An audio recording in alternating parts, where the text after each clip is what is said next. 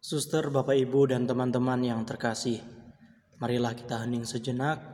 Kita menyiapkan hati dan pikiran kita untuk mendengarkan firman Tuhan. Dalam nama Bapa dan Putra dan Roh Kudus, amin. Ya Roh Kudus, datanglah dan tinggallah dalam diri kami, agar kami sungguh mampu mendengarkan dan merenungkan Injil yang akan kami dengarkan pada hari ini. Demi Kristus Tuhan dan pengantara kami. Amin. Inilah Injil Yesus Kristus menurut Markus. Dimuliakanlah Tuhan.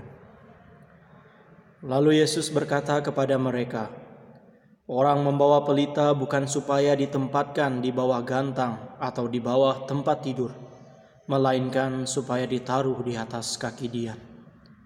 Sebab tidak ada sesuatu yang tersembunyi yang tidak akan dinyatakan, dan tidak ada sesuatu yang rahasia yang tidak akan tersingkap. Barang siapa mempunyai telinga untuk mendengar, hendaklah ia mendengar.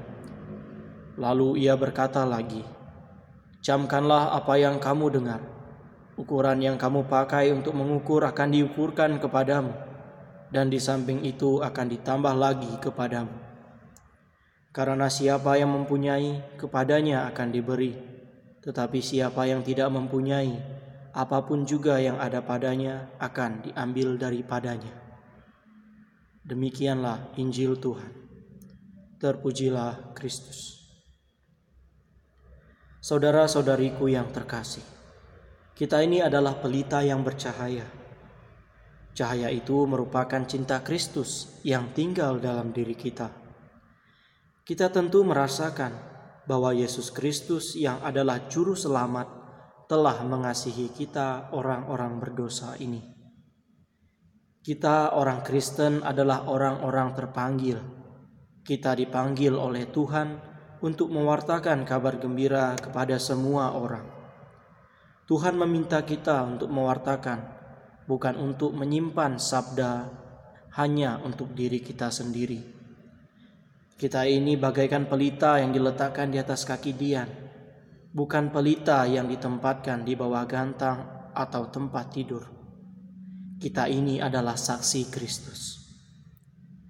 Kesaksian itu dapat kita tunjukkan dalam hidup kita sehari-hari. Kalau kita tekun dalam iman, tekun dalam pekerjaan, tekun dalam belajar, setia pada proses, tidak mudah putus asa dan penuh pengharapan. Di situlah kita belajar meneladani sikap Yesus Kristus yang juga setia pada kehendak Bapaknya. Marilah kita menjadi saksi cinta kasih Kristus dalam hidup kita sehari-hari. Tuhan Yesus memberkati. Amin. Marilah berdoa. Tuhan Yesus berkati dan bimbinglah kami agar kami senantiasa bersikap setia dalam melaksanakan kehendak Bapa dalam hidup kami sehari-hari.